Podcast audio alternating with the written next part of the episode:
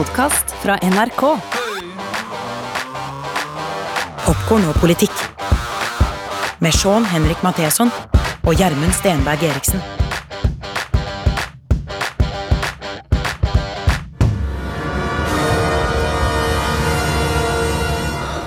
Sean, hva er du villig til å gjøre for din eh, beste venn? Veldig mye, håper jeg. Ja. Er du villig til å oppsøke fare, altså utsette det deg for fare? Eh, Ja jeg, Har du gjort det? Ja, på et vis så har jeg vel gjort det. Ja, ja, jeg tror det. Men eh, hva med deg? Jeg har kjent på det, men mest andre veien. Altså at eh, vennskap og lojalitet der jeg føler at Og opplevd på en måte at eh, venn er villig til å ofre alt den har for å jeg er en vanskelig situasjon. Oh. Slippe alt. Den følelsen, eh, det er en trygghet og noe jeg eh, setter pris på ganske ofte. Ja. eh, Når jeg prøver å tenke meg om. Ja, det skjønner jeg. Det å være villig til å sette seg selv i fysisk fare, det å risikere livet for Altså- en venn, Ofre livet, liksom. ja, ofre livet for en venn, Ja, ja. det er, tenker jeg at vi kan ha litt empati med de som sitter i skyttergrav i Ukraina nå. Der sitter unge, der sitter gamle, der sitter lærere, der sitter vanlige folk som har blitt militære. Eh, og de kjenner nok på den følelsen, Mm. den forpliktelsen det er, å skulle forsvare landet sitt og det de står for, Mm. mot noe. Europa er på kanten av krig. Ja, det er jo det. Så har jo ikke vi eh, fasitsvaret på hvilken vei dette bikker nå. Eh, men vi skal få gjest som har det. I sånne skyttergraver så har jeg i hvert fall eh, forstått at det er fort gjort å føle seg liten og hjelpeløs. Og det er der eh, jeg tenker vi skal starte, eh, med det å føle seg liten og hjelpeløs. Og så skal vi gå inn i noen fortellinger, og så skal vi høre om politikk. Ja, for dette er jo Popkorn og politikk, eh, en, en podkast der vi ser på mm, fortellinger, historier og, og fiksjon, og eh, politikk og hvordan de er bundet sammen, hvordan de blir til, hvordan de påvirker oss og hverandre. Eh, Sammen med oss er selvfølgelig Super-Silje Martinsen, Vettre Kanonion Branes er selvsagt også med oss. Du nevnte, Gjermund, at vi får en eh, gjest. Eh, Sigurd Falkenberg Mikkelsen, intet mindre. mindre. Men først nå, før han kommer, seks ord som har etsa seg fast. Keep it secret. Keep it safe. jeg, jeg er ikke alene om at de har etsa seg fast hos meg. Jeg tror det er fler, Men det handler jo dypest sett om å bli bedt av noen du stoler på og tror på. Om å beskytte noe utrolig viktig. Fra alt. Og holde det som er interessert i det objektet du har blitt bedt om å ha, og holde dem vekk. Fra mørke krefter. Ja, ja, fra de som vil eh, vende lys til mørke, på en måte, da. Ja. Ja. Og vi i denne podden er ikke alene om å mene at det er eh, noe som er truet i verden nå. Eh, akkurat de årene vi er inne i. Noe som vi har kanskje lært oss å sette pris på igjen, og som vi ikke vil miste. Altså det store greske ordet demokrati. Demokrati. Selveste demokratiet. Ja, Som Anne Applebaum eh, skrev rett før jul. The bad guys are winning. Eh, og det tror jeg mange kjenner på. Anne Applebaum, eh, forresten en, en historiker og forfatter som du som hører på, eh, anbefaler deg å sjekke henne ut. Hun skriver ekstremt godt. Ja, Skriver for The Atlantic og gir ut bøker. Og har holdt på å skrive i England og USA i mange år. Bor nå i Polen og kjenner på det mørket. Og denne dagen, det tema, denne fortellingen vi nå skal ha med, den har jeg kanskje gleda meg for mye til. Så vi får se hvor dette bærer. Men eh, skal vi gi ordet til Galadriel? Ja, vi gjør det. The world is changed. Er I feel it in the water. Er I feel it in the earth. Er I smell it in the air. Much that once was is lost. For none now live who remember it. Ah, ja. Vi skal hit, ja. Ringenes herre. Ja, det er klart. Lord of the Rings er skapt av en forfatter som heter Tolkien. Eh, og så skal vi ikke gå gjennom alle biografiske detaljer, og det finnes en film som ligger der ute som folk kan se.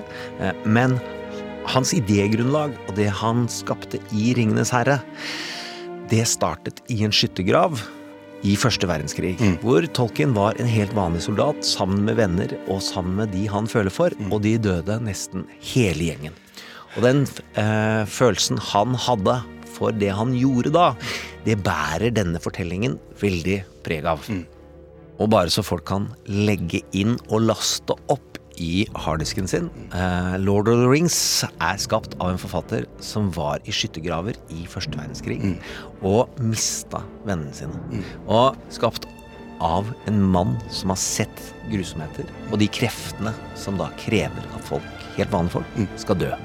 Mm. Ja, men det er klart, jo, første verdenskrig er jo en ting. eh, Ringenes herre, det er jo for, altså det, det er jo fantasy, da, Gjermund. Altså, det er jo alver og orker og drager og, og ringer og alt mulig. Ja. Så, ja. Ja, veldig. Og det mange, litt for mange ikke tenker på, er hva som er fortellingenes rolle i kulturen, i menneskeheten. Og denne her er jo lagd ikke bare for barn. Han lagde en barnebok som het Hobbiten, og så lagde han denne som eh, ligger i skjæringspunktet mellom voksen og ung, og som er til for begge. Og har fortellingsnivåer som skal evne å formidle og dra folk inn eh, for å gi noen innsikter i evigheten.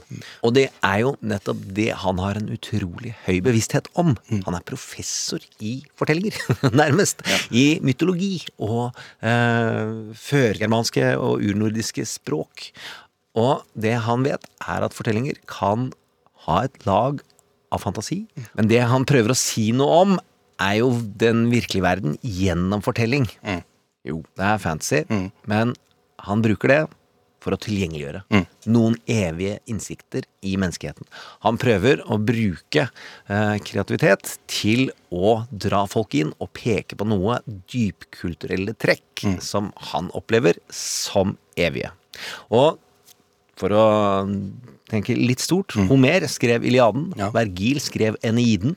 eh, Snorre skrev Edda.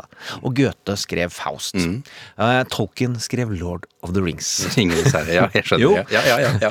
Men der de andre tok tak i felleskulturelle, eh, mytologiske eh, greier eh, Snorre, den norrøne, eh, Vergil, den romerske, og Homer, hvem nå enn han var, den greske.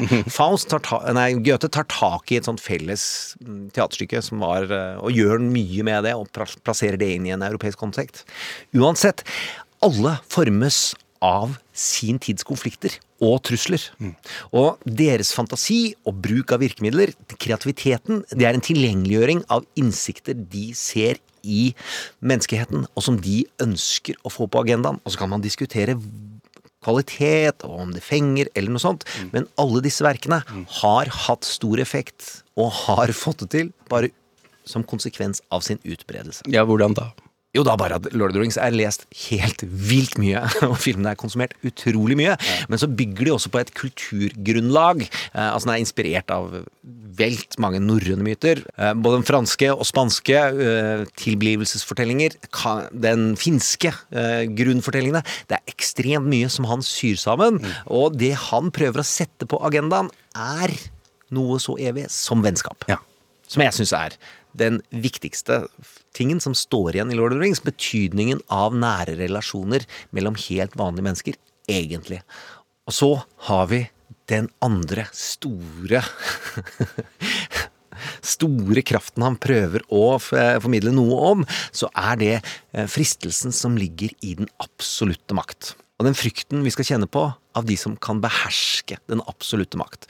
Så der mennesket og det menneskelige ble formet av første verdenskrig, så er det jo andre verdenskrig, det totalitære ved Adolf Hitler, og hvordan han klarte å forføre og fange store deler av Europa og prøve å drepe den andre. Eh, Det er jo ringens makt. Og da, og da står vi der med at den første verdenskrig forma hans syn på mennesket, og den andre på makt. Og der Olav Duun skrev 'Mennesket og maktene', så skrev tolken 'Ringenes herre'. og Olav Duun, hadde han skrevet på et annet språk, så er vi alle enige med at han hadde sikkert vunnet nobelprisen, og har sikkert vært lest overalt. Men tolken klarte å gjøre noe globalt. La oss høre det. Mordor. In the common tongue, it says one ring to rule them all, one ring to find them, one ring to bring them all, and in the darkness bind them. Ja, en, eh, One ring to rule them all, Hitler. Det kan du stryke. Jo, men det er, det er åpenbart at Ja. den var inspirert av eh, Adolf Hitler. Og den totalitære og altoppslukende og krevende ideologien som nazismen var, Mm. og antall mennesker som ble forført og gjorde de grusomste ting med den, det sier noe da om Tolkiens tro på det symbolske, på det retoriske, og et menneskets viljes makt over den andre. Mm. Det syns jeg er eh, det vi skal snakke om i dag. Som et bakteppe. Vi kommer ikke til å bruke det som et kart der alt går opp i alt. Men det er noe Det var nesten som var Gollum der et lite sekund. ja, det er klart. Det blir.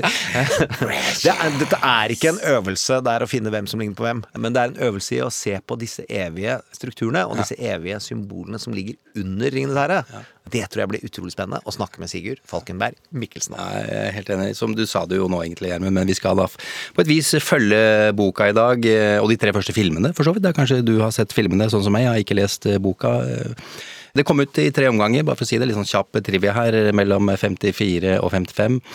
Filmene kom ut i 2001, eh, men tolken var opptatt av at Altså, noen hender at det er tre bøker, men Tolkien tenkte på det som én en eneste bok. Sammen med Hobbiten eh, så har den solgt over 600 millioner eh, kopier. Eh, Filmene har tjent inn ca. 25 milliarder eh, kroner, så det er eh, mange som har fått med seg denne episke fortellingen, eh, kan vi jo trygt si. Den, virkelig, Ja. altså, den gjør stor forskjell for New Zealands bruttonasjonalprodukt. Ja, altså, det er helt- spilt, ja, det er klart den gjør det. Jo, jo, men det er for turistnæringen å Ja. synliggjøre Ja. Mm. den øya. Altså Folks vilje til å fly dit eh, har økt veldig. Så er jeg imot den type turistsponsa filminsentiver, men det tar vi en annen dag. Ja, det er en helt annen historie akkurat i dag. Første del av Ringenes herre heter Ringenes brorskap. Eh, Kort fortalt, her får vi fortellingen om eh, allianser som slår sprekker, eh, til tross for at da samholdet ville vært viktigere enn noen gang, fordi enorme farer er i ferd med å komme til overflaten. Ja, det er som om vi snakker om tiden vi lever i akkurat nå. Eh, Volum to heter To tårn. Her fortelles det at eh, ja, noen antagonister eh, truer verdensordenen mer enn andre. For å ta det til vår tid, hvem truer Europas fred? Hvem er det som lider under det, og hvem ser seg tjent med det? Volum tre, atter en konge. Ja, hvem er det som kommer seirende ut? Hvordan ender dette? Hvem er det som står igjen som tiårets ubestridte leder? Vi vet vel, uten at vi skal spoile noe, så vet vi hvordan boka ender. Hvordan det ender for oss. Ikke spoil! Ikke spoil! Hvordan det ender for oss gjenstår da å se. Men la oss da starte i en stemning Ringenes herre også er veldig, veldig god på. Må ikke glemme det i alt eh, mørket, ja. For det Jeg er- har lyst til å Ja. bo i et hobbytroll Ja, det hadde vært digg! Jeg har lyst til å ha en rund dør. Jeg har lyst til å ha det lavt under taket. Jeg har lyst til å ha bare ganger på ganger på ganger med koselig rom. Eh, Og det eneste jeg savner her, er TV-apparat. Du hadde ikke trengt det hvis du bodde i Hobbsyssel. Jeg Jo, hadde trengt TV-apparat. men de er gode på, på lys og varme.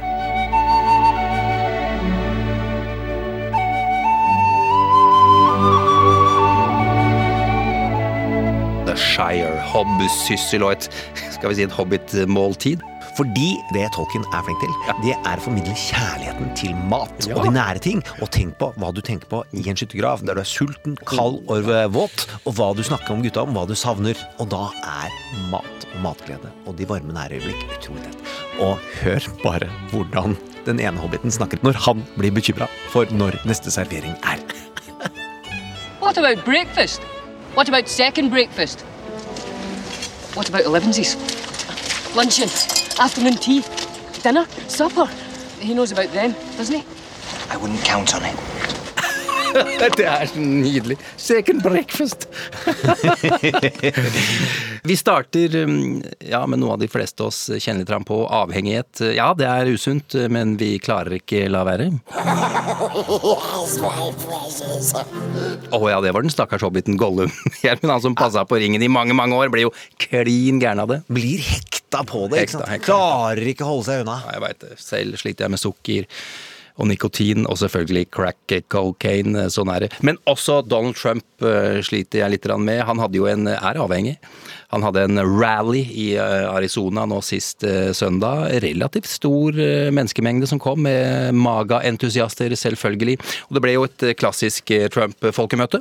The left is now rationing life saving therapeutics based on race, discriminating against and denigrating, just denigrating white people to determine who lives and who dies. If you're white, you don't get the vaccine, or if you're white, you don't get therapeutics.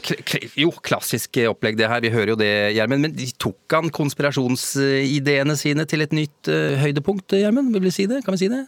Ja, han fortsetter å angripe demokratiet. Ja, Han fortsetter å si at valget er stjålet. Eh, og så er det andre ting som tyder på at han går noen andre veier.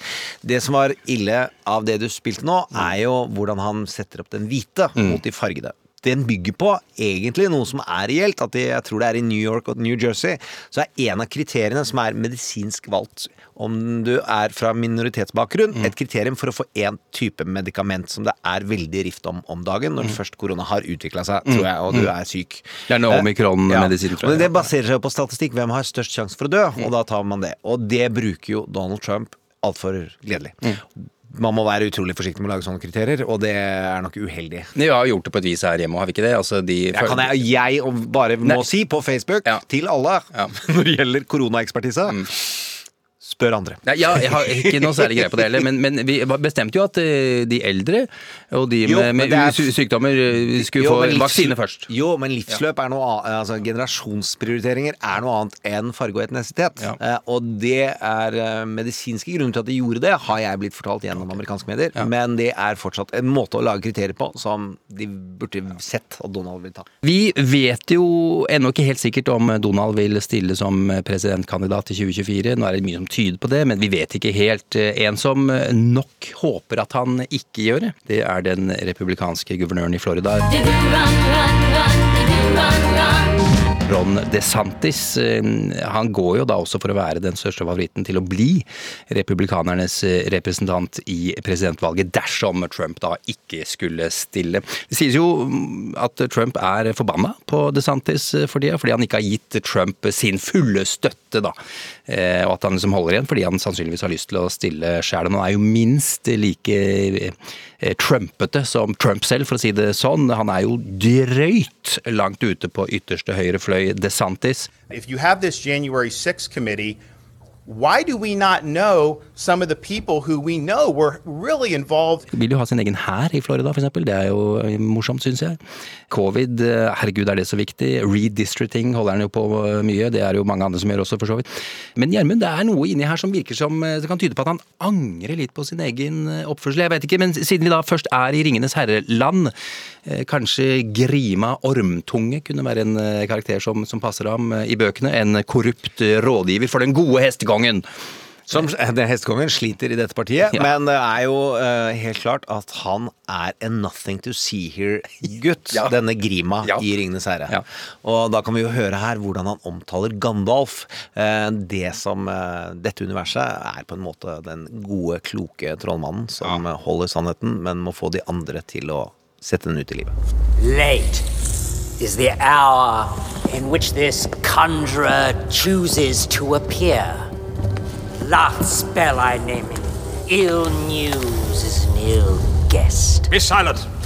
Keep your forked tongue behind your teeth. Grima Ormtung der. Men Gjermund, hva skjer med DeSantis? Jo, det som er utrolig interessant, er jo at han legger seg til høyre for Donald Trump. Eh, og han sier at eh, er det noe han angrer på, så er det at han hørte på Trump for mye.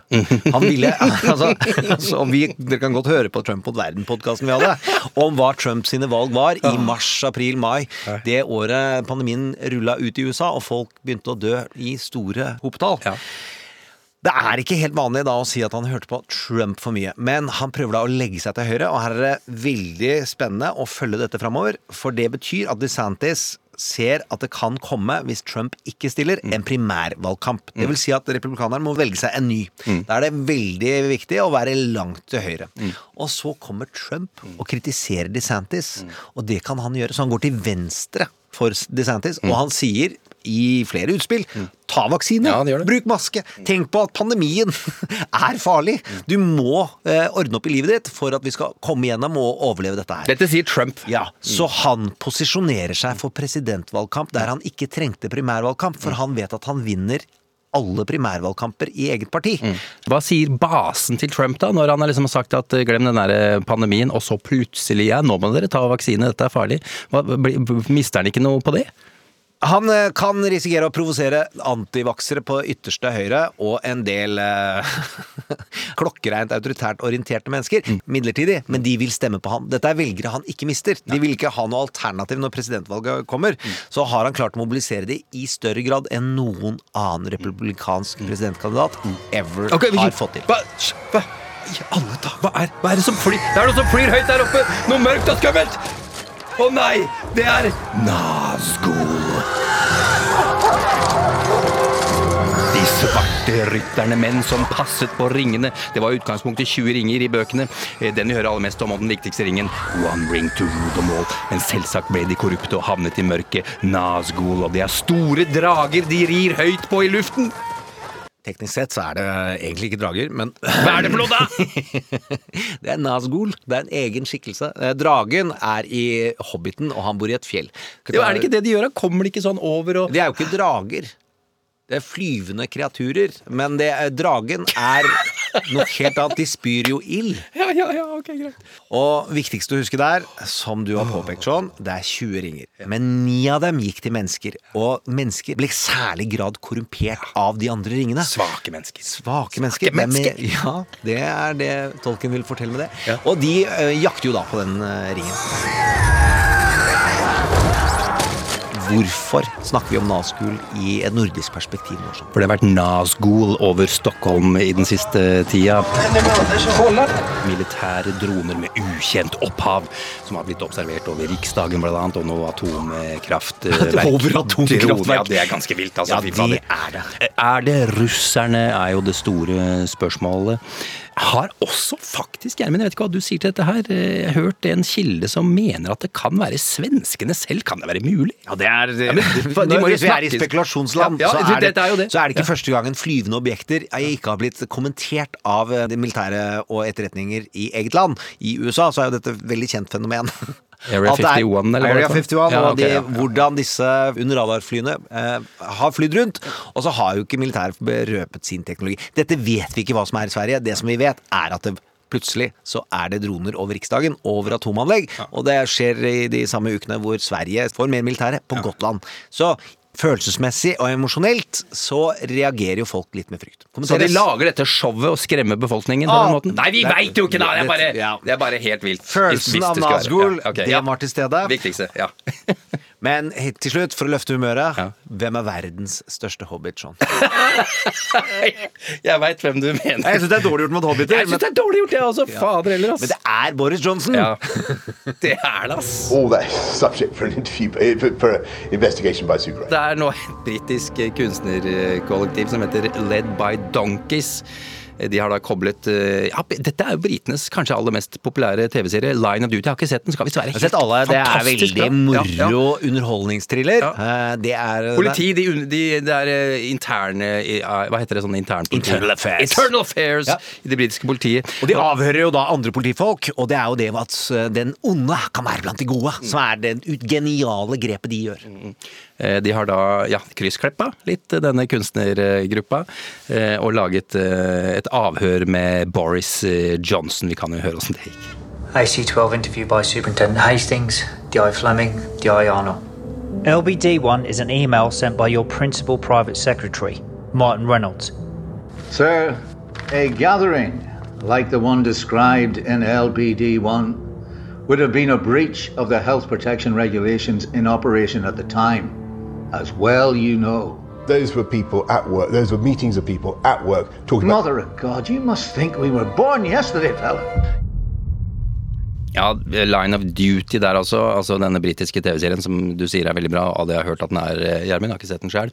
Men eh, ok, la oss ikke glemme, da. eh, Det må vi ikke gjøre. At det er mange flere enn oss som har satt utrolig pris på, på Tolkien. Og vi tenkte jo bare å ha Ringenes herre-musikk. Og Silje har jo funnet ut da at det finnes en her var homasjmusikk til Ringenes herre. Gjermund. Ja, Ringenes herre gikk som en farsott på universitetene på 70-tallet, og der gikk jo blant annet Led Zeppelin. Popkorn og politikk.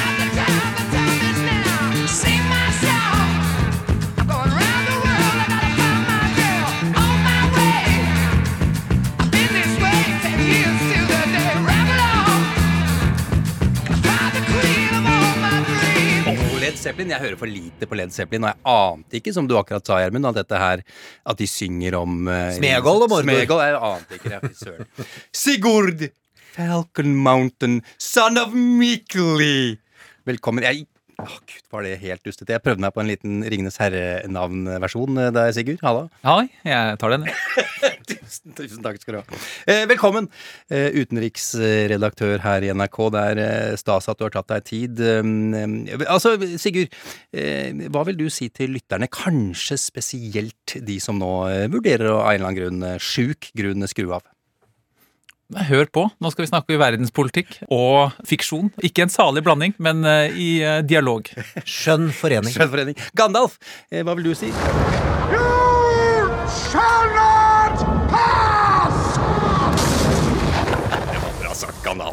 Nydelig levert.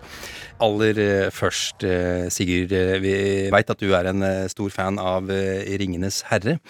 Hva slags opplevelser har du hatt med den boka og, og filmene?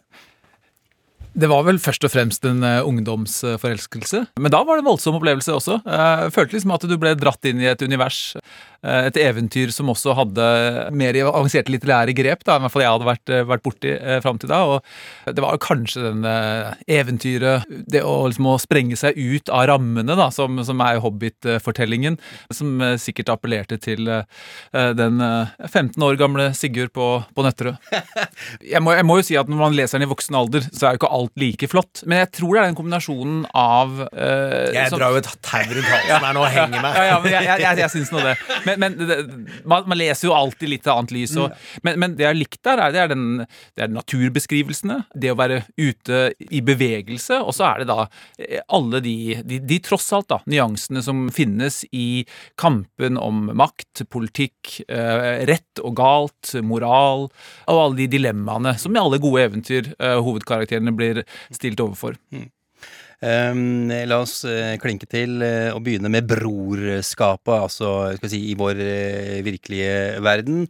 De tradisjonelle alliansene hangler for tida. La oss begynne med et veldig matglad folk, Frankrike. Og et ubåtsalg forrige, ja, sist høst var det vel, Sigurd. Hva er det som skjedde der? Nei, det var jo da en, en avtale mellom kanskje to ikke helt i utgangspunktet naturlige partnere, i hvert fall Frankrike og Australia. Kjempesvær avtale om at Frankrike skulle bygge avanserte uh, ubåter for uh, Australia. Eh, Og dette jo, gikk jo langt. Det ble kalt liksom, århundrets avtale for fransk forsvarsindustri, og også en svær avtale for Australia for at de skulle ta del i franske forsvarshemmeligheter. Så det var ikke et, direkte salg, det var et samarbeid. Det gikk mye dypere enn sånn som ofte er når man bare kjøper noe fly, og så er, så er de ferdig med det, på en måte. Og Hvor lang tid hadde det bygd opp til den avtalen? Det var flere år. Hvis vi skal tro på den offisielle fortellingen, så er det i hvert fall sånn at uh, franskmennene får ikke beskjed før noen timer før dette offentliggjøres at én, Australia uh, bryter avtalen. Nummer to, de inngår isteden en avtale med Storbritannia og USA om å heller kjøpe amerikanske atomubåter. AUKUS eh, blir dette kalt. Ja. Det er altså et samarbeid mellom Australia, eh, UK og eh, USA. Masse vi kan si om den avtalen, men sett fra et fransk perspektiv så går det jo rett inn i et sånt klassisk fiendebilde om at du kan ikke stole på den angelsaksiske verden. På et eller annet tidspunkt så vil de falle deg i ryggen, og det skjedde jo til gangs her da. Og så har jo Biden prøvd å lappe på dette etterpå, med blant annet å møte franskmennene i Italia, og hvor de selv dro. Det var mye symbolpolitikk i hans forsøk på å glatte over dette her, men eh, harde fakta ligger jo der. Avtalen er brutt, og franskmennene er ute. Men hva, hvorfor brøt de avtalen med Frankrike? Hva er vitsen med Eller hvorfor? Nei, Det australierne sier, er at trusselbildet har endret seg, eh, og de trengte mer langtrekkende ubåter. Eh, Ubåtene som da gikk på diesel, de ble for puslete i det endrede eh, bildet i Stillehavet, med da Kinas voksende militærmakt. Men det, det som er viktig å få med her, er jo at Frankrike er jo også en stor stillehavsmakt. Og så hadde franskmennene en, si, en annen type idé om et partnerskap, som inkluderte ikke bare Australia, men også andre store selvstendige nasjoner, altså Indonesia, India, Japan, på, på en litt annen måte da, en sånn tett, lukket allianse som AUKUS er, men kraftfull. Hva gjør dette med fransk som utenrikspolitisk aktør i verden? Nå ble jeg fortalt at Macron foreslo endringer i EU-charteret nå nylig. Hva er det de prøver på inni denne alliansen? Hva er, det de, hva er deres vilje? Altså Hvilken retning tar det? Nei, Franskmennene har alltid ønsket å styrke eh, Europa som selvstendig aktør. Franskmenn har et eh, beinhardt realistisk eh, syn på, på verden. De vet at makta rår, og mener at de, når de samler seg best i Europa, så er det, en- det er den eneste måten de kan veie i internasjonal politikk. Mange det vil vel mene at Frankrike har la bort et imperium eh, og prøvde å flytte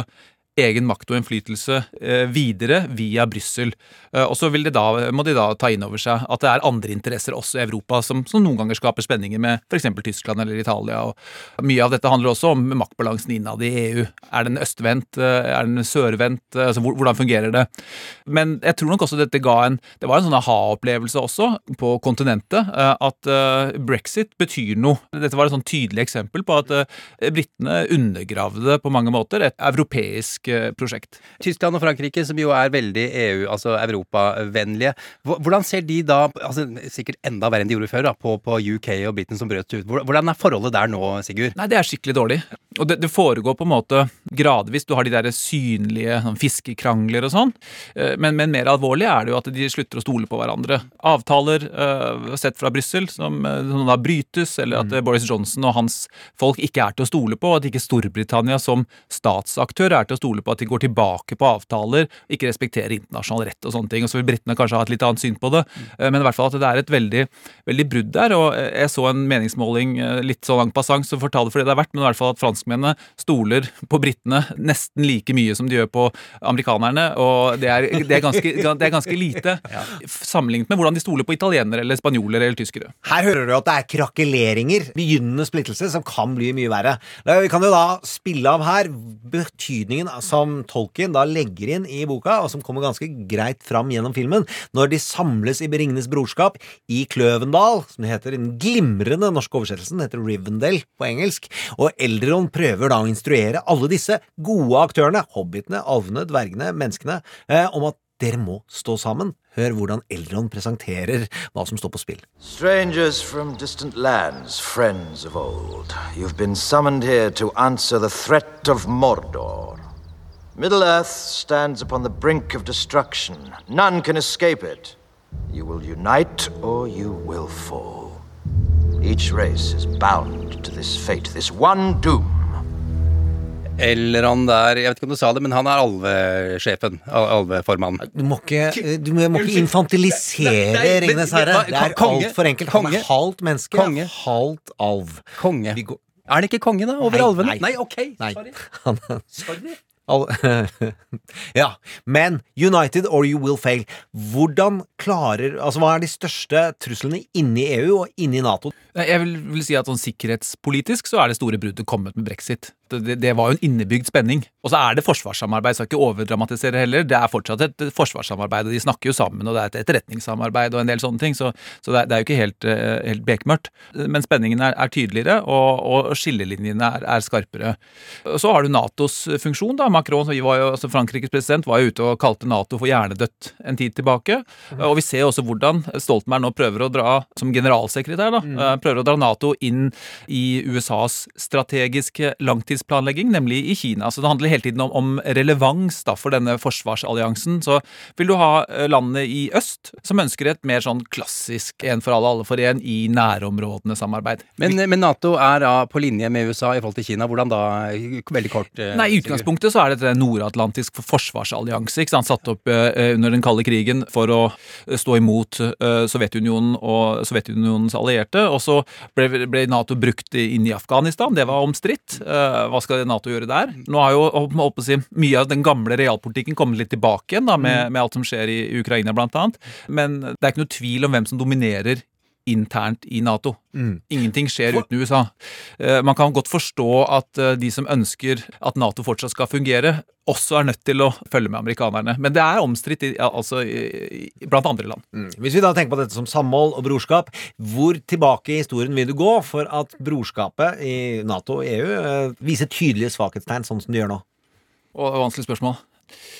Må man tilbake til Sovjetunionen? Altså er det der ved Det, det, det er jo alltid lettere å samles når man har en tydelig uh, fiende. Mm. så har det har det alltid vært sånn at uh, de store europeiske landene også har drevet med egen politikk. Så det har jo aldri vært en sånn veldig sånn tydelig at alt, alt har vært greit. Uh, men et, det var en lettere samling tidligere enn det var f.eks. nå, med et mer sånn brokete sikkerhetspolitisk bilde. Men så må vi huske på da at uh, siden vi snakket om Frankrike i stad uh, De Gaulle ville jo ikke være med i Nato. I hvert fall ikke som et aktivt medlem. Frankrike har ikke vært en del av det integrerte Nato egentlig før, før på, på 2000-tallet. Er Nato, eller alle Nato-land, er de nå trygge på at USA er der? Altså Det var jo veldig usikkerhet. Og er, har de blitt venner igjen uh, nå, eller åssen ligger han der? Ja, grunnleggende sett så er de mye roligere nå enn de var under Trump. Det var en helt reell bekymring for om, om, Nato vil overleve hvis Trump hadde sittet fire år til. For dette handler jo om tillit. Alt dette dreier seg jo også om symbolpolitikk. Så det er, viktig, det er viktig hva man sier. Vil USA komme til unnsetning, eller vil de ikke? Eh, og Hvis det er utydelig, så vil jo da motparten kunne spille på den motsetningen. ikke sant? Det var det som skjedde her. Og, så, Der har Biden vært veldig tydelig. Eh, samtidig så er det en helt, helt klar retning i amerikansk utenrikspolitikk. og det det, den, den, dreier seg jo gradvis i større og større grad østover. Eh, og det må Europa forholde seg til, og der, der ser også Russland da et handlingsrom. Hva mener du? Altså, vil, eh, USA skal videre og videre østover? Nei, de skal ikke videre østover. men Det amerikanske strategiske blikket er vendt mot Stillehavet ja. og Kinas voksende makt. Kan USA overleve som verdensmakt, så må de, også, må de forholde seg til Kina primært. Ja, okay. Skal vi ta noen av de positive tingene ved Ringens herre? Det er jo mye av det også, må ikke glemme det. Vi skal se på noen kritiske elementer etterpå. Men boka så er jo identitet eh, essensielt, og det er individets, eh, og det er kulturens, det er folkets, det er mat og litteratur, og de synger og danser, og det er jo innmari hyggelig alt sammen. Eh, og, og, Sigurd, du har jo reist veldig mye, du har vært i en rekke ulike kulturer, og i flere av dem har du vært over lang tid. Hvordan går du inn i, når du skal inn i nye kulturer? Med nysgjerrighet, tror jeg. Ja. Altså at, og en åpenhet. altså tenker jo også, og det kommer kanskje tolken din, altså det handler liksom om, å lese. Jeg tror litteratur er viktig for å forstå andre. For det, det, er den fremste innfallsporten til å se verden fra, fra, et helt annet ståsted, uten filter, som ofte dukker opp i verken media eller um, TV-film. Åpenhet og nysgjerrighet jeg tror jeg kanskje, kanskje er det viktigste. Og så er jo jeg en privilegert situasjon, da, at jeg kommer inn for å observere, for å se, for å, for å også til viss grad for å forstå. Så jeg kan jo også holde meg litt på utsida. Ja, men Er det vanskelig å ha den innstillingen, eller er det lett? For meg faller det veldig naturlig. Ja, kult. Ja. Fordel for deg, da, som er ute og reiser veldig mye.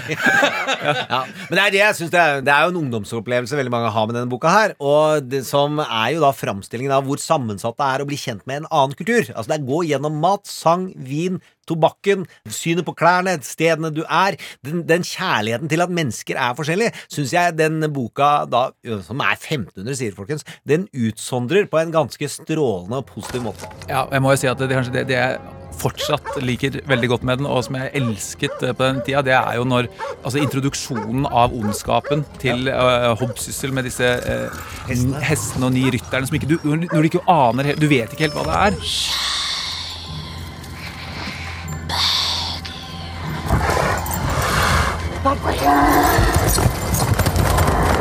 Og så kommer de seg av gårde, klare og flykte og kommer til vertshuset i Bri. Eh, og, og, du får hele den der varmen og peisen og øl og mat. Og så sitter da denne eh, litt skumle skikkelsen i hjørnet, og så viser det seg at det er da vandringsmannen og da framtidig kongen og sånne ting. Men akkurat den scenen der, eh, den syns jeg fortsatt er, er fantastisk. Og jeg gikk rett i fella første gang jeg leste den, og jeg går nesten i fella fortsatt. Og jeg syns han er skummel, selv om jeg vet jo hvem han er. og da snakker vi om at jeg har lest boka ti ganger. Fra jeg er ti til jeg er 20 20, så leser jeg den hver sommer. Mm. Og det er en subkultur i Eidsberg uh, av noen få utvalgte, for det er jo ganske mange utgaver av den på biblioteket. Mm. Men så blir det jo da breddekultur. Så må det også nevnes tegningene i den tidlig 80-tallsboka. Den har jo da noen illustrasjoner på forsida som tolken hadde godkjent. Og de tegningene ligger da til grunn for noen særlige bilder som kommer gjennom filmen. Og det er blant annet hesterytterne, noen helt sentrale scener. Det var bare sånn eksploderte mot meg gjennom filmen. Det er jo den boka jeg hadde! Ti ganger så jeg det bildet, og så kommer det inni en fortelling. Spoiler alert. Eller er det litt seint å si nå? Nei, jeg tror ikke spo spoiler alert på dette her. Jeg tror, jeg, jeg tror det er, jeg, jeg, er såpass, såpass gjennomsnakka tema at det tror jeg må være greit. Jeg er helt, er helt enig. Ja. Ok, da skal vi til uh, volum to. Nei, vent! Hva da? Vi må gjøre det på Ringens herrevis. Ja, ja. Vi er jo på vei. Altså, oh, det er jo en Hør nå. Ringenes brorskap. Det er altså eh, Volume 1 ender jo med at brorskapet blir virkelig trua, og én dør! Jeg skal ikke si, vil ikke si hvem. Ok, greit.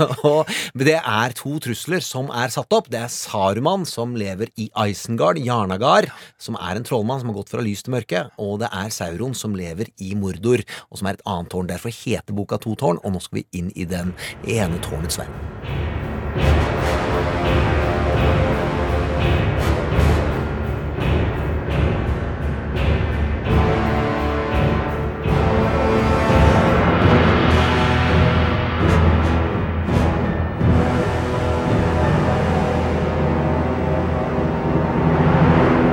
Ja, i To tårn er altså volum to av eh, Ringenes herre. Der er det en eh, aggressiv hersker som vil ha kontroll på eh, ja, skal vi si, nærområdene sine. Saruman heter han. Det er han som holdt til i et av disse høye, skumle tårnene.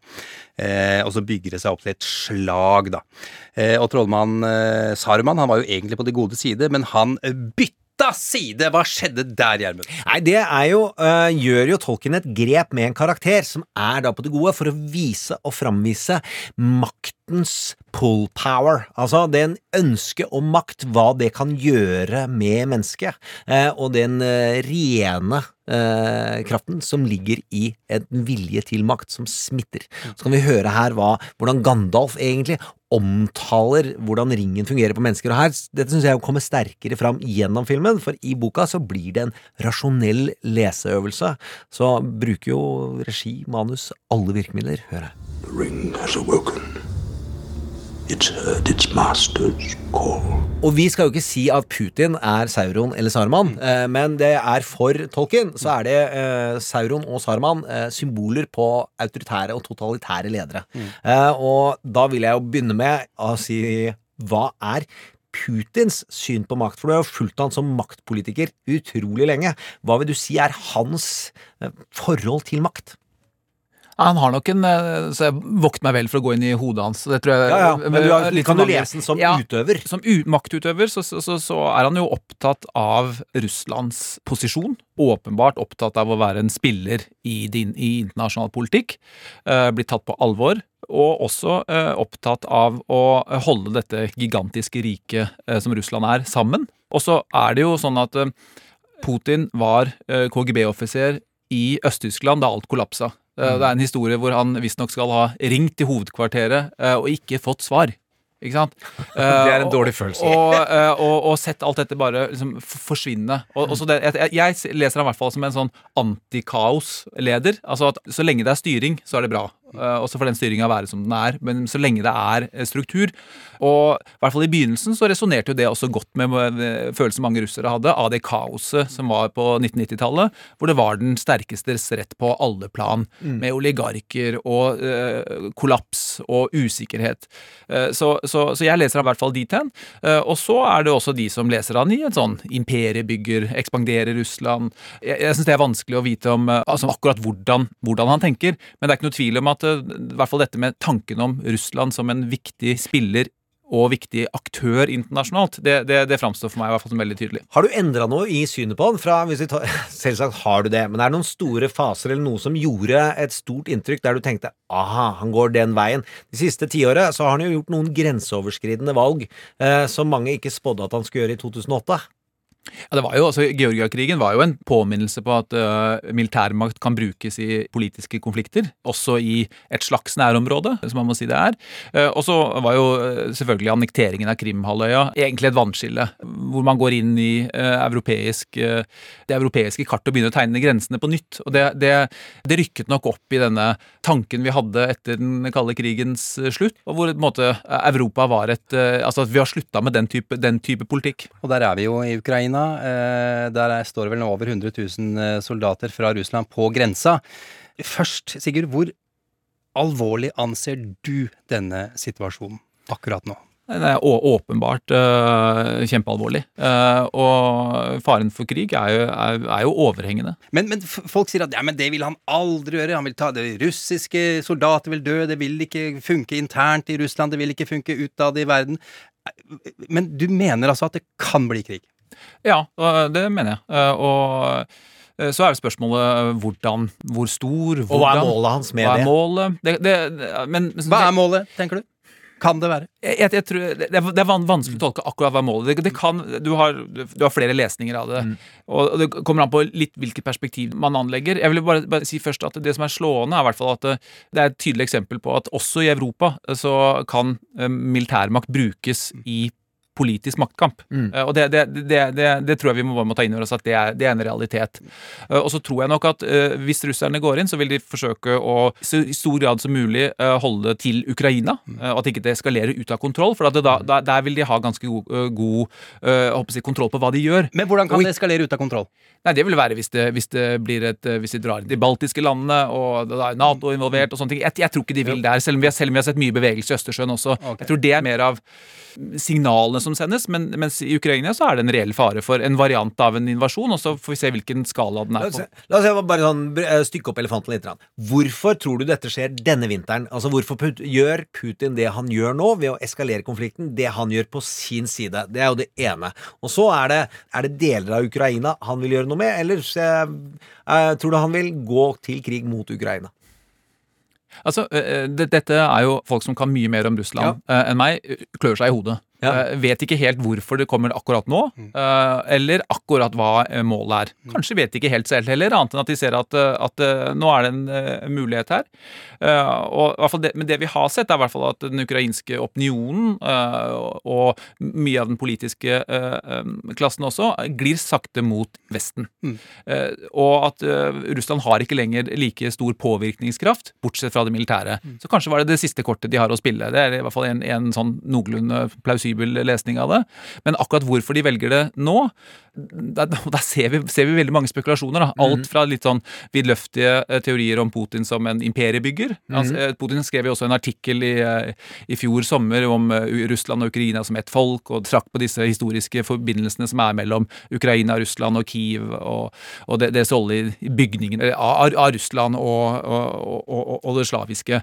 Men, men, det- men det, er, det, det tror jeg er veldig viktig. Det er spekulasjoner. Det vi vet, er at det står uh, over 100 000 soldater, og at de er klare til å gå inn. For det, er det, og det er en ting til. Eh, de soldatene som står der nå eh, vi har to oppbygninger i år, så, så Mm. sånn sett så er det ikke så overraskende. De, de gjorde det i, i våres, og de gjør- det, gjør det nå igjen. Mm. Eh, Men det er en mye mer seriøs militæroppbygning vi ser nå, enn det vi så da. Nå er det et, et helt apparat, og det er logistikk, og det er, det er alt det som trengs i tillegg da, til stridende soldater eh, for å kunne opprettholde en, en stor invasjon over lang tid. Um, en ting som har gjort eh, du, Nå sa du for så vidt i sted, eh, Sigurd, at eh, du ser ikke for deg at det skal gå inn i, i de baltiske landene og slike ting. Men en ting som har gjort veldig inntrykk på meg denne uka her, og sikkert veldig mange andre også, er svenske soldater i gatene på Gotland. Hva tenker du om, om denne svenske reaksjonen? Igjen et eh, signal om at eh, som realpolitikk og maktpolitikk er eh, på retur også i våre nærområder, og det er noe vi må forholde oss til. Og så tenker jeg nok at de eh, svenskene ville gjerne at verden skulle se de bildene, og det, det var mye symbolpolitikk der.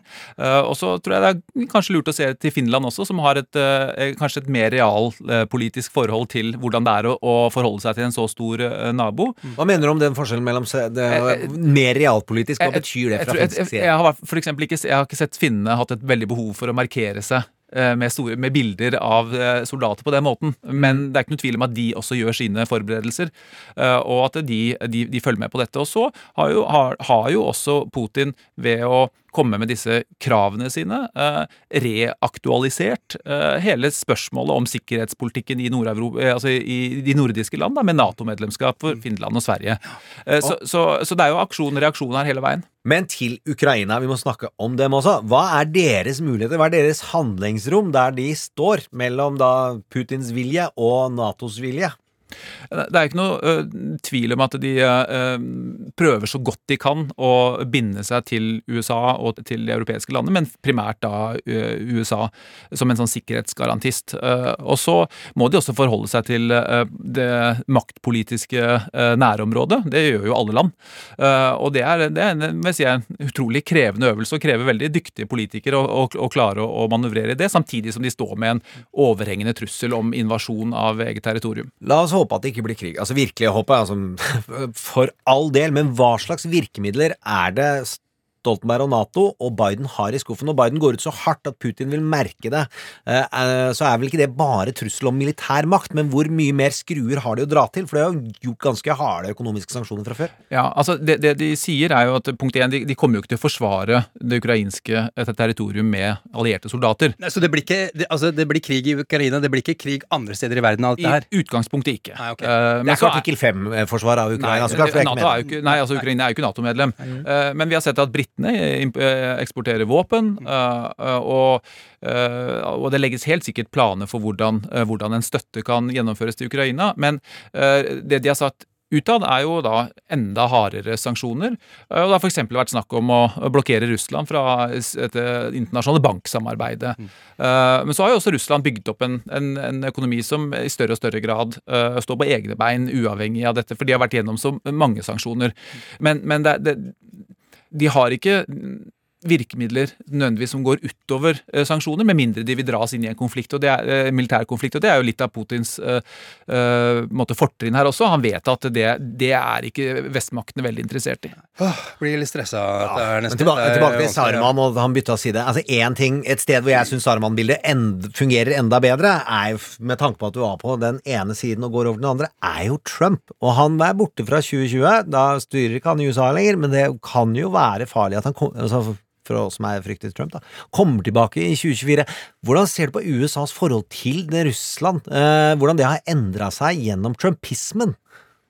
Ja, svært spørsmål. Hva Eh, gir det, men hva gir det handlingsrom for Putin? Hvordan har han det er ikke, det er ikke tvil om med at den pressekonferansen eh, og det, eh, med, med Trump og Putin I eh, Helsinki. i Helsinki går inn i historien som eh, kanskje noe av det mest bisarre og Største seieren.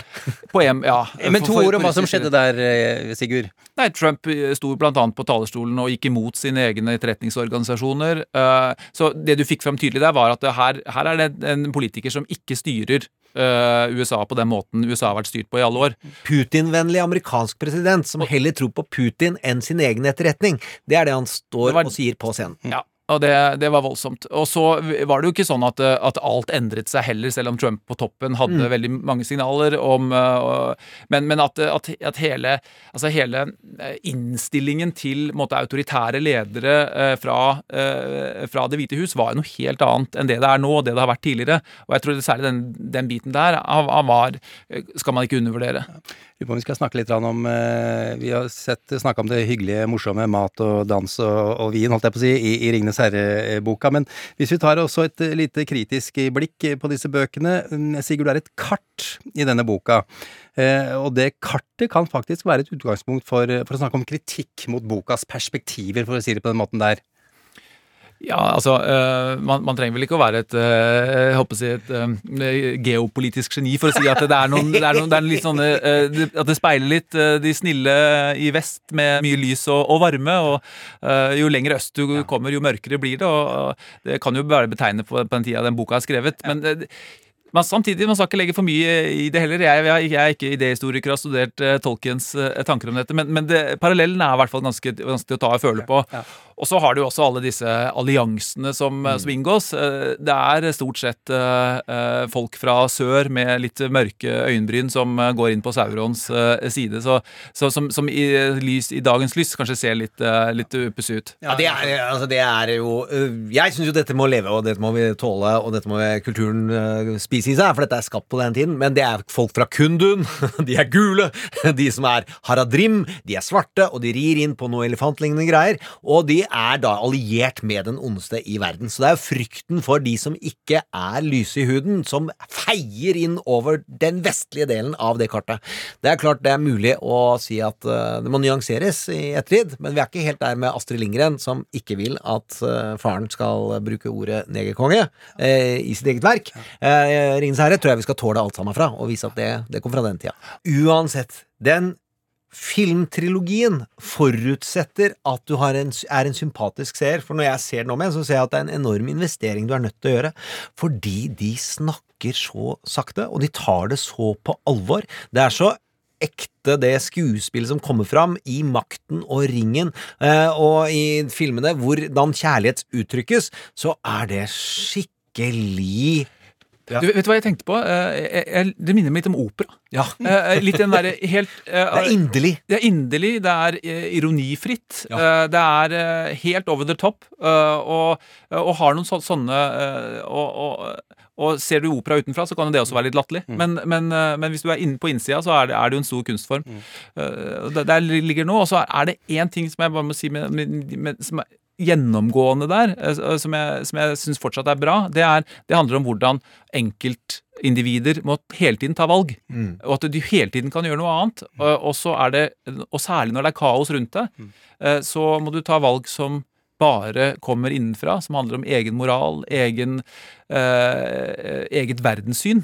Eh, og du må kanskje ta det på bekostning av noe som eh, Av både deg selv og også, også kanskje eh, din, din umiddelbare framtid.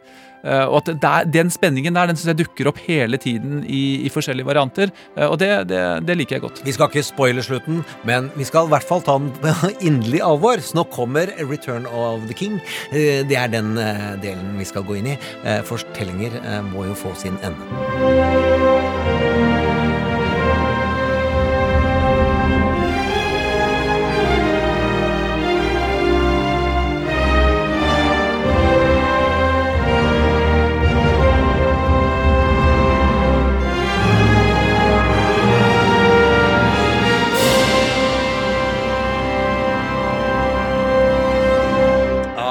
da er vi altså ved eh, fortellingens eh, avslutning. Eh, kanskje jeg håper å si, frykten for hvordan dette her skal eh, ende. Atter en eh, konge, Gjermund, ligger jo litt i tittelen eh, 'Hvordan boka ender', eller hva tenker du om det? Nei, der var jo jeg, ja. Det er mange som mente at de visste hvordan den kom til å slutte. For det er bilde av Aragorn på coveret med en kongekrone. Men når man leste boka, så visste man at boka het Atter en konge. Og Sauron ønsker jo også å bli konge over hele Midgard. Så det var en mye mer åpen spenning eh, når man leste boka, enn filmene. Jeg har jo bare sett eh, filmene, og tenkte ikke på at det kunne ende noe annet enn godt.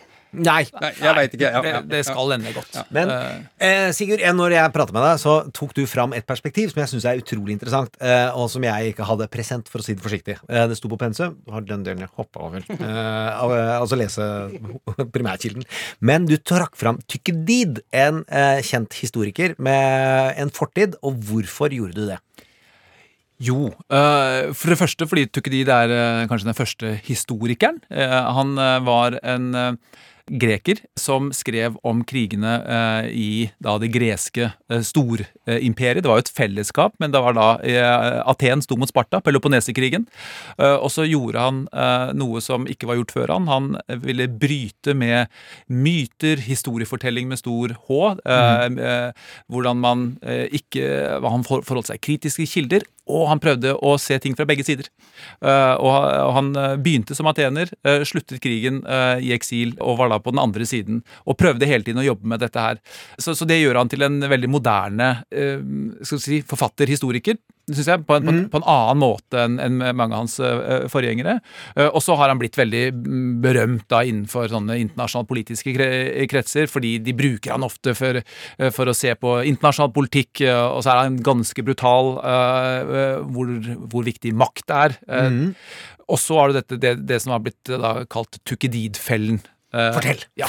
Og det er som følger Kan det være slik at du har en etablert stormakt, en voksende stormakt? Kan de på noen som helst måte sameksistere?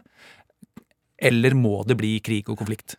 Og så har jo da det, dette blitt teoretisert og jobbet med opp igjennom eh, historiske sammenligninger. Går det an å få dette til? Og så blir det da puttet inn i et USA-Kina-perspektiv i dag. Og der er vi nå, ikke sant? Fordi Return of the King kan jo Så er det ikke Putin som ser ut til å vinne de neste 100 åra, men det er muligheter for at Kina kan ta den. Og hvordan leser du da Tykkedid USA-Kina-relasjonen? Altså, hvor anvendelig syns du den er? Er, det er først, først og fremst som et tankeeksperiment, ja. tenker jeg. Eh, og- Perspektivåpner. Perspektivåpner, ja. Og altså det Tukutid gjorde som var bra, var jo å gå inn i en enkeltkonflikt konflikt Mm. og, og, og måtte se på den og vri på den fra alle, alle perspektiver, og ikke ta stilling. Uh, Det tenker jeg er et nyttig perspektiv også for oss uh, utenriksjournalister. Men den kan, kan ikke brukes som en manual til å forstå dagens eh, politikk. Men som en, som en sånn påminner om at oi, her, her kan det skje ting, og det vil uansett være konflikt. Spørsmålet er hvordan Mm. det håndteres.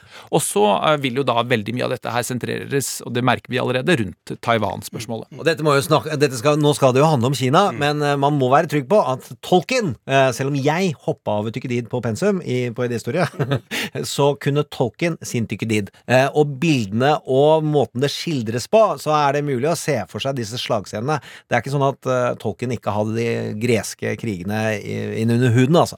Men sånn, vi må om Kina. Ja, vi, vi, vi vi la oss dra til Kina. Eh, som jo mange er engstelige for at skal eh, ta over verden. Det kan vi få inntrykk av når vi leser eh, aviser. Eller hører amerikanske politikere. Ikke minst. Hvis vi snakker litt om internt først. Altså, eh, er det noen spenninger internt i Eller hvilke spenninger finnes der in internt i Kina? Nei, jeg, jeg tenker jo Hvis du skal se på, på et sånt eh, makroperspektiv, i hvert fall, mm. så, så er det store spørsmålet for de neste 50-100 årene er jo eh, hvorvidt Kina fortsetter på den, den banen de er nå, med eh, eh, sentralisert makt, forholdsvis fred og ro i indre rekker, voldsom økonomisk utvikling. I den grad den går rett fram, så er det ikke noe tvil om at Kina blir verdens stormakt i en eller annen forstand. Stormakt den, eller kan, kan de være Nei, på på- hvordan å på- se for seg to ja. elever side om side? Ja, det det, det, det går an. Eh, men, eh, men spørsmålet er hvem som, hvem som da vil beherske Stillehavet. Det, det, er- det, er jo der, det er jo der eh, man sitter og tenker langsiktige tanker. Både vil jeg tro i Beijing, men også, også, i, også i Washington. Og ikke minst da i Canberra i Australia, eller i Tokyo, eller Det er havet som bestemmer. Alltid havet som bestemmer. Alt Alltid havet. Og så er det store spørsmålet er hvordan de har tenkt å bruke den makten de har. Og, og hvordan de har tenkt å forholde seg til nabolandene. eh, Og deretter USA. Og så er det også sånn at eh, USAs eh, stormakt er ikke nødvendigvis noe som er et udelt positivt uh, begrep for, uh, sett, sett fra andre steder i Asia. sånn at uh, Litt opptatt av at vi ikke går inn i en sånn verdivurdering av alt Mm. hele tida, men, men, men i hvert fall at du ser på dette som et, en helt reell stormaktsrivalitet. Mm.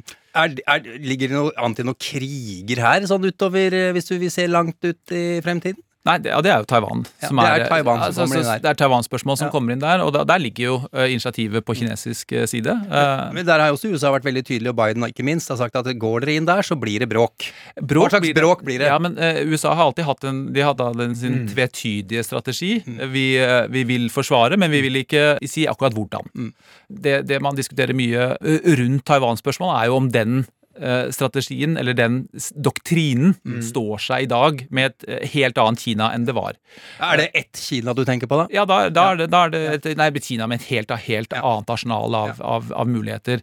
Men, men spørsmålet er om eh, Kina på et eller annet tidspunkt tenker at de skal ta den med, med makt i ett sveip. De skal gjøre det gradvis. Eller om de skal se det litt an. Mm. Og se, tenke at eh, vet du hva, Taiwan er sammenlignet med oss et lite sted. Vi kommer til å vokse, eh, og at dette kommer til å eh, komme i løpet av de neste 50-100 årene uansett. Mm. eller, eh, eller om de, de har dårligere tid. Har de dårligere tid, så eh, vil, det, eh, vil man få en mye mye spissere situasjon hvor amerikanerne kan bli tvunget da, til å, å eh, Skal de forsvare Taiwan, eller skal vi ikke forsvare Taiwan? Og, det, er, det, er, det, er, ikke- det er ikke nødvendigvis noe lett spørsmål, men det er ikke noen tvil om at hvis de går bort fra å forsvare Taiwan, så vil de også uh, miste betydelig innflytelse i eh, Stillehavet, som de har hatt siden andre verdenskrig. Men det er ikke så lenge siden vi også leste i avisene at ok, nå kan det bli krig i Taiwan. Uh, hva Mm. tenker du om det akkurat nå? Er det noe akutt, eller? Ja, altså det er litt vanskelig å, å, å, å Nå tenker jeg litt fra et sånt medieperspektiv, da, hvis jeg kan si, si det sånn. Altså at uh, Det kommer jo opp sånne uh, saker med ujevne mellomrom. Det er jo fordi at det, det, det ligger en reell krigsfare. Og så er det viktig for oss da å ikke overdrive, men heller ikke underspille muligheten for det. Og da, på det tidspunktet så jo, var jo signalene fra Beijing veldig tydelige. Og det kan godt være at de holdt på med noe annet og ville noe annet uh, og hadde behov for å sende kraftige signaler akkurat da.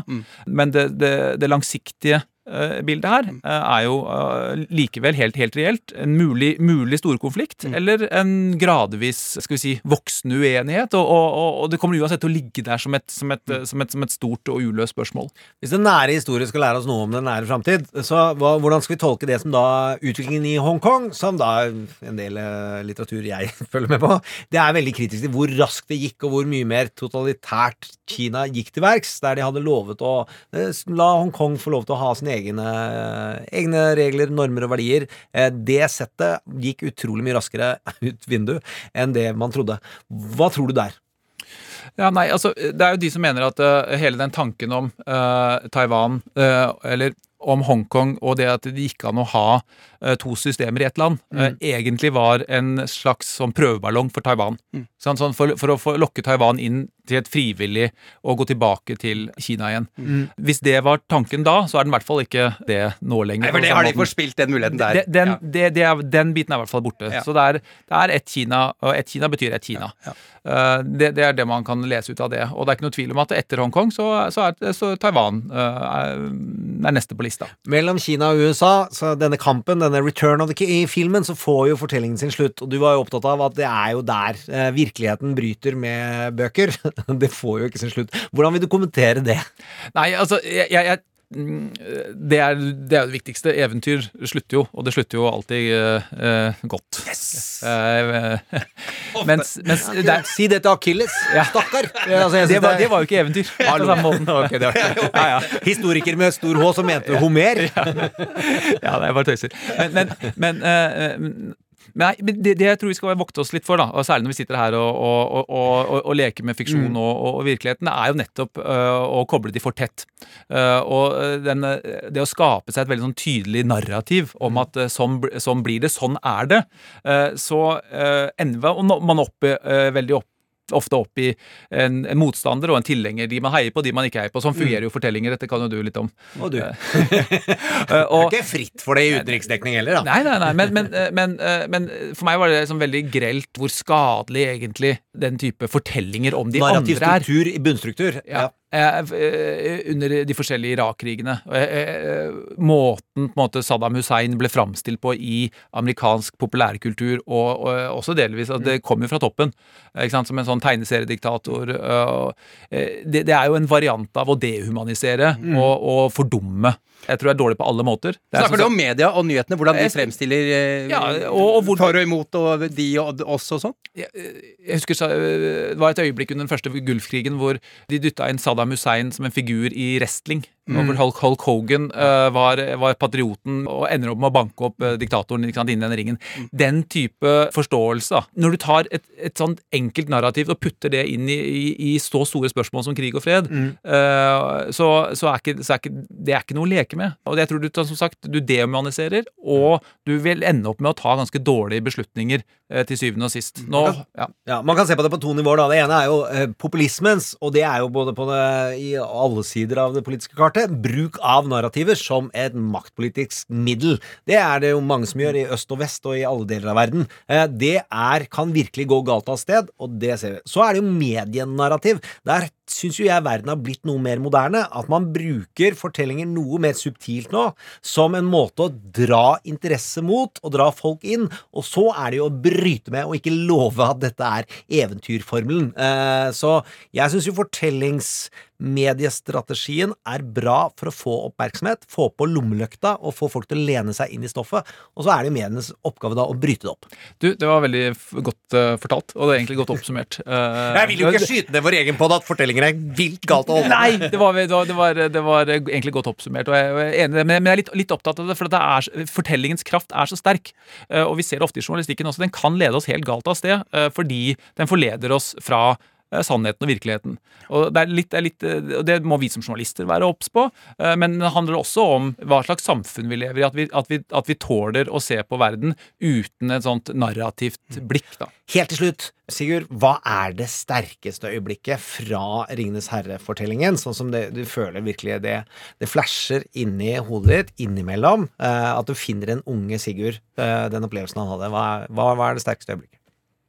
Er det kanskje de fineste øyeblikkene. De, de, de som, det, det er jo når de sitter ute på tur, og alt rakner rundt dem, og så fyrer de opp panna, eh, steker noen pølser, drikker en kopp te og røyker seg en pipe, og så, og så er verden kanskje ikke så gal Ja, det er veldig koselig. Nei, det, det, er, det vi har snakka om før. deilig det vi om i starten, ikke sant? Det er jo at dette er hva en gutt drømmer om i en skyttergrav i første verdenskrig. Det er der Tolkien setter pris på. Det du ikke har der, er de gode øyeblikkene med vennene dine, der du egentlig bare koser deg. Sigurd Falkenberg Mikkelsen, eh, det har vært en glede å ha deg på besøk. Tusen takk. Har du to timer til, så tar vi Hobbit nå mens vi er i gang.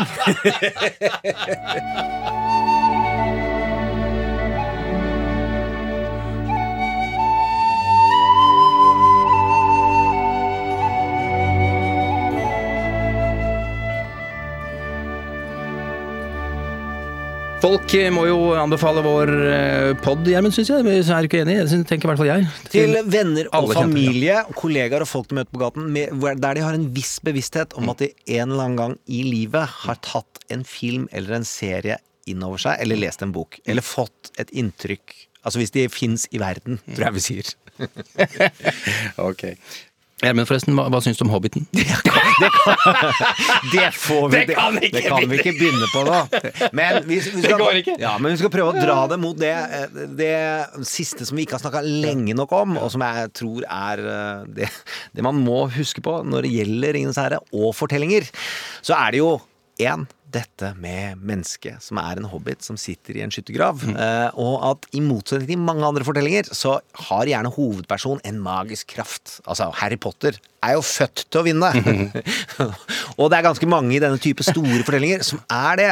Poenget til Tolkien det er jo at han gjør en hobbit. De har ingen store fysiske talenter. De har ikke noen intellektuelle egenskaper. Det de har, er evnen til å ikke gi seg. Det er nemlig håp. Og det å ansvarliggjøre den enkelte, og at det nytter for den enkelte, det er jo det som gjør Ringenes herre til en veldig god fortelling om mennesket i demokratiet. Du må ikke gi opp selv om det er mørkt, selv om det går i feil retning. Så er det dette som var Tolkiens ønske til sine barn og til sin verden. Mm. du kan føle det som om det er andre som bestemmer alt der ute, men det nytter også for deg. Så har den disse evige tingene den tapper inn i.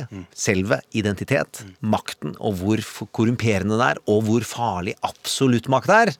Men håp, der forbinder jeg med den scenen hvor du ser at en hobbit er villig til å dø for sine venner, er i midten av den siste filmen. Hvor denne fantastiske hvite byen er nærmest maltraktert av titusenvis på titusenvis av orker og utrolig vonde skapninger. Og så kommer hestekongen, og han har fortalt til sine at de kan ikke vinne det slaget, men de skal slåss allikevel. Og så holder han en tale der han forteller om deres forpliktelse til sine venner. Eh, Og jeg skal ikke reklamere for krig, men det å stå opp for hverandre, det retorisk skjer samtidig som solen kommer opp over åskammen, så kommer hestekongens ryttere over åskammen, og han holder denne talen. Og så, hør ferdig den talen, så gir vi dere Led Zeppelin eh, og Immigrant Song, for det handler om å stille opp, ikke sant? Arise! Arise, riders of Theoden! Spears shall be shaken! Shields shall be splintered! A sword day! A red day! And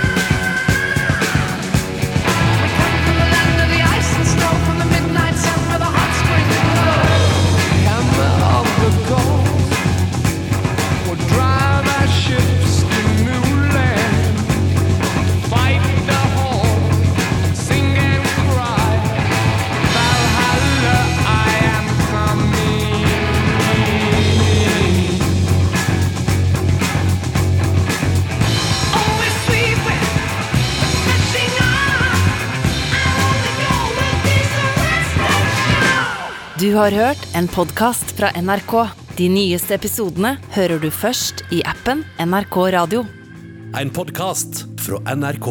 Operasangeren Kirsten Flagstad ble kalt århundrets stemme. Verdensstjernen ble uthengt som nazisympatisør og forfulgt av den norske stat. Hun måtte kjempe seg tilbake, med bare stemmen som våpen. Bli bedre kjent med historiens største personligheter i ny podkast. Mahatma Gandhi var advokaten som ble fredsapostel. Han førte en iherdig kamp mot rasisme og for et samla, uavhengig India. Coca Chanel var en kvinne som spilte med de kortene hun hadde for hånden. Hør historien om den fattige barnehjemsjenta som slo seg opp og ble en av verdens mest kjente moteskapere. Historiske kjendiser hører du først i appen NRK Radio.